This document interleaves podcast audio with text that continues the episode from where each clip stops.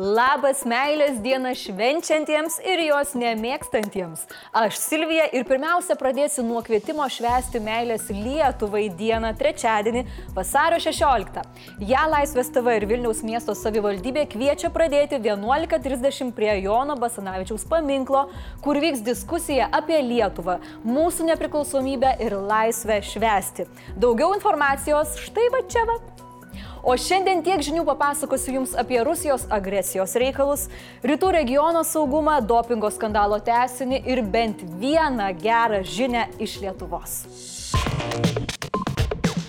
Kol jūs šį vakarą romantiškai leidžiate mylimojo ar mylimosios glebyje, arba bent jau svajojate tokį glėbį turėti, Europoje mintis sukasi toli gražu ne apie meilę. Žiniasklaida remdamasi savo šaltiniais nurodė, kad nauji žvalgybos duomenys rodo, jog Rusija gali pradėti ataką prieš Ukrainą dar nepasibaigus žiemos olimpinėms žaidynėms. Na žinot, kad parodytų Kinijos vadovui, jog Putinas gali priminėti daugiau sprendimų nei Sibiro pardavimas kinams. Buvo įvardintos ir dvi datos - tai vasario 15 arba 16. Na ir ta proga JAV patarėjas nacionalinio saugumo klausimais paragino Ukrainoje esančius amerikiečius iš šalies išvykti per dieną ar dvi. Teigiama, kad ataka greičiausiai prasidės nuo oro bombardavimo ar raketų atakų, kurios galėtų nužudyti civilius gyventojus. Bet galutinio sprendimo Putinas dar nepriėmė. Nebent kalbam apie sprendimą prie Ukrainos sienų pritraukti dar daugiau karinės technikos. Tyriejų komanda Conflict Intelligence Team praneša, kad šį kartą jį priartėjo pavojingai arti - per 15-20 km nuo Ukrainos. Čia keletas valandų ėjimo peščiomis. Greitai einant. Ta proga Ukraina paprašė skubaus susitikimo su Rusija ir kitomis Europos valstybėmis. Kaip praneša Ukrainos užsienio reikalų ministras Dimitro Kuleba, Rusija ignoravo oficialų prašymą paaiškinti, kodėl Maskva aplink dislokavo daugiau nei 100 tūkstančių karių ir moderniausią ginkluotę. Todėl šaukė skubų visų vienas dokumentą pasirašusių šalių susirinkimą. Šį dokumentą pasirašusios valstybės įsipareigoja dalytis informaciją apie savo karinės pajėgas ir pranešti apie svarbę svarbės veiklas. Tačiau Rusija pasirodo atsakė į Kulebos prašymą paaiškinti, nors ir pavėluotai. Ar pasiruošę išgirsti atsakymą? Pasiruošę? Skaitau. Rusija kaltina Ukrainą besirošiant agresijai. Rusiškos diplomatijos klasika. Кто как обзывается, тот так и называется. Ir aišku, pridūrė, kad nieko keisto Rusijos kariuomenė nedaro, tad ir vienos dokumento taikymas šiam atveju yra klaidingas. O Rusijos užsienio reikalų ministras Sergejus Lavrovas pranešė Putinui, kad yra šansas susitarti su vakarais dėl saugumo. Ir šis pareiškimas galbūt žymi Maskvos ketinimus nusileisti ir sumažinti įtampą. Vladimiras buvo informuotas ir gynybos ministro, kad kai kurios iš šiuo metu vykdomų karinių pratybų bus baigtos artimiausiamis dienomis. Žodžiu, su Rusija kalbėtis ir tartis yra labai sunku. Todėl Vokietijos kancleris Olafas Šolcas lankosi Kijeve, o rytoj skris į Maskvą. Aha, sėkmės Olafai. Mhm. Zelenskis tuo tarpu tikriausiai suprato, kad Putinas neišdrys pulti, jei šalyje bus svarbių asmenų, todėl pasikvietė Bideną. Taip, ją vadovas galėtų pareikšti dar didesnę paramą. Ir paramos Ukrainai gali prireikti, nes šiandien Ukrainos ambasadorius Junktinėje karalystėje Vadimas Pristeiko teigia, kad Kijevas siekdamas išvengti karo galėtų apsvarstyti galimybę atsisakyti savo ambicijų įstoti į NATO. Su tuo nesutinka Ukrainos valdžia. Zelenskio atstovas spaudai Sergejus Nikiforovas Čia toks Ukrainos Rydas Jasulionis sako, kad integracija į NATO ir ES yra Ukrainos prioritetas. Oi, kaip gerai būtų, jei Kupidonas į Putino širdį paleistų savo strėlę ir iš Führerio pradėtų lietis ne karo, o meilės troškimas. Bent užnuodytą strėlę kas nors paleistų. Nu, vis šis tas. Dabar pakalbėkim apie aplink Ukrainą esančias šalis. Tiksliau, kaip į karo grėsmę reaguoja demokratiškasis pasaulis. Panašu, kad visi šiek tiek daro į batą. Šeštadienį Pentagonas pranešė, kad JAV išveda beveik visus savo karius iš Ukrainos. Lietuva rekomenduoja atšaukti suplanuotas nebūtinas keliones. Ir įvairios šalis sako savo piliečiams nekeliauti į Ukrainą. Visgi pati Ukraina, nepaisančių raginimų, pažadėjo neuždaryti savo oro erdvės. Bet Lietuvos oro uostai yra žemame starte. Plus mūsų užsienio reikalų ministerija evakuoja dalį savo diplomatinio personalo. Perkeliami šeimos nariai bei nebūtinasias funkcijas atliekantis darbuotojai darbuotojai. Kitaip tariant, mūsų diplomatai kurį laiką bus be apkabinimų ir be kavos. Kavą turės pasidaryti patys, bet su apkabinimais, nu, biški jau yra sudėtingiau. Ai, bet žinokit, kažką prarandi, kažką gauni, ne?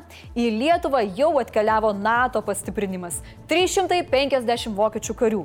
Vokietijos vadovaujamoje kovinėje grupėje šiuo metu tarnauja apie 1200 sąjungininkų karių.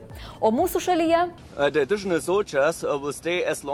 needed. JAV irgi nesismulkina. Į Lenkiją atsiuntė net 3000 karių. Esant tokiai situacijai regione, prezidentūra suorganizavo susitikimą. Jame dalyvavusi vidaus reikalų ministrė Agnė Bilotaitė sakė, svarstanti visus scenarius. Kokie tie scenarijai nedetalizavo, bet sakė visus. Supratot? Tai net ir tą. Na ir žinoma, planuojama priimti ukrainiečių pabėgėlius, jei prasidės karas. Kiek, kur, kaip dar neaišku, bet aišku viena - bedoje bičiulių nepaliksim. Esant reikalui mes galėtumėm suteikti tiems žmonėms reikalingą pagalbą. O užsienio reikalų ministras ramina, kad nors situacija įtempta ir paveiks mūsų gyvenimus, Lietuvai realios grėsmės nėra. Taigi, atsakant į žinutės pavadinime užduotą klausimą, regionas nėra saugus, bet NATO ruošiasi, todėl viskas turėtų būti ok. Bent jau laikykime už tai čiūrikus. O daugiau apie karinio konflikto grėsmę žiūrėkite tiek žinių kalba ekspertas laidoje. Nu kas čia dabar vyksta? Jau trečia naujiena apie Rusiją. Tuoj turėsim vadintis ne tiek žinių, o stolka navastėjai. Šiaip tikiuosi, kad niekada mes taip nesivadinsim. Bet grįžkime prie naujienos. Olimpinės žinios. Nepaisant teigiamo dopingo testo, sporto arbitražas priemė kontroversišką sprendimą ir leido Rusijos čiuožėjai Kamilai Valyjevai tęsti varžybas Pekino žiemos olimpinėse žaidynėse. Toks sprendimas priimtas dėl dviejų priežasčių. Pirmoji - Valyjeva yra 15 metė, o olimpiniai nuostatai sako, kad jaunimėlis iki 16 metų gali į save pilti, ką nori ir kiek nori ir vis tiek nebus diskvalifikuoti. Antroji priežastis - atseit blogas metas, kada atėjo testo rezultatas. Kažkas buvo bloga mergaitė ir per kalėdas kitais metais koinėje vietoj medalio gaus angliuką. Nors Valyjeva nėra braukiama iš dalyvių sąrašų, ji dar gali turėti bėdų. Sprendimu pasipiktinusi tarptautinė antidopingo agentūra tęs tyrimą. Valyjevai nebus ir apdovanojimų ceremonijos bei medalio teikimo, kaip ir jos komandai. Valyjeva yra visiška žaidinių dailiojo čiažimo favoritė. Jai grėsia dar ne vienas medalis, tačiau net jei ji kažką laimės, niekas negarantuoja, kad gaus. Žodžiu, rusams yra labai sunku pasakyti ne. Tiek kare, tiek sporte. Jaučiu dabar rusai šauna šampaną. Nu ir tikiuosi, kad tik šampaną. Hmm? O kaip manote jūs, sportui čia juoda diena ir mergaitai neturėjo būti leista varžytis, o gal tegu vaikas ten savo čiuožia, o kai bus tyrimo rezultatai, tai tada ir nubausim. Parašykite man komentare savo nuomonę. Geras oras, meilė, ką tai gali reikšti? Teisingai ateina pavasaris, o kartu artėja ir kelionės. Ir gera žinia keliaujantiems į Lietuvą. Vyriausybė nusprendė atsisakyti su COVID-19 susijusių dokumentų patikros atvykstant iš ES šalių. Reikalavimai bus palengvinti ir žmonėms atvykstantiems iš trečiųjų šalių. Jiems nuo šiandien nebetaikoma privaloma izolacija. Bet priežastis yra negerėjanti epidemiologinė situacija. Priešingai, sveikatos apsaugos ministras Arūnas Dulkys teigia, kad pokyčiai siūlomi atsižvelgiant į tai, jog rizika užsikrėsti šalies viduje yra praktiškai ta pati, kaip lyga parsivežti. Tokį sprendimą yra prieimusi ir Švedijos vyriausybė. Nors izoliuotis atvykstantiems nebereikia, jiems išlieka reikalavimas atsivežti neigiamą tyrimo rezultatą, jei jie nėra skiepyti Lietuvoje pripažįstamomis vakcinomis arba netitinka persirgymo kriterijų. Kaip sakiau, situacija vis dar nėra palanki, tačiau Jau tikrai esam pasiekėm ir tą piko viršūnę ir jau dabar visi duomenys rodo, kad e, situacija keičiasi, leidžiamės nuo problemų kalno, jeigu taip galime pasakyti. O jei situacija dar nepalanki, tai visi pandemijos ribojimai irgi kol kas nebus naikinami. Tačiau ministro teigimu, link to naikinimo po truputį, po truputį einame. Kaip matot, viskas labai natūralu. Galimybių pasas, reikalavimai keliautojams, na, reiškia, jeigu toliau ta situacija, tos tendencijos nesikeis, reiškia, ateisim ir prie kitų klausimų. Ką galiu pasakyti, labai laukiu, kol pagaliau tų ribojimų naikinimą prieisim. Tiek žinių. Blitz naujienos. Valdančioji konservatorių partija, opozicinė socialdemokratų ir naujai įkurta Demokratų sąjunga vardan Lietuvos lieka partijų reitingų lyderiais. Delfi užsakymų Spinter tyrimai apklausa buvo atlikta sausio 17-29 dienomis. Už trijotuko ribų liko valstiečiai ir liberalai. Pagal apklausą politikų ar visuomenės veikėjų geriausiai tinkančių užimti ministro pirmininko pareigas toliau laikosi premjerė Ingrida Šimonytė. Šeštadienį Vilniuje vykusime suvažiavime susijungė Tautos ir Teisingumo sąjunga bei Lietuvos tautininkų ir Respublikonų sąjunga. Po susijungimo Tautos ir Teisingumo sąjungos pirmininku tapo iki šiol partijai vadovavęs Petras Gražulis.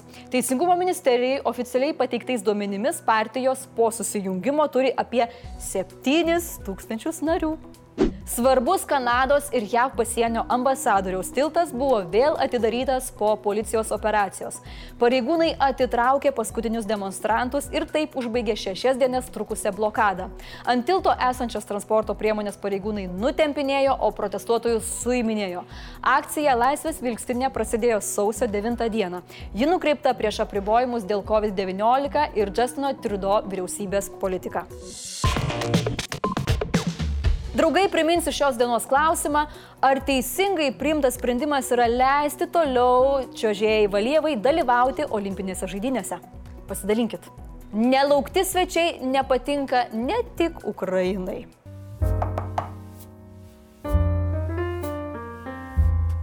Draugai, mylėkite ir būkite mylimi ne tik šiandien, bet ir rytoj.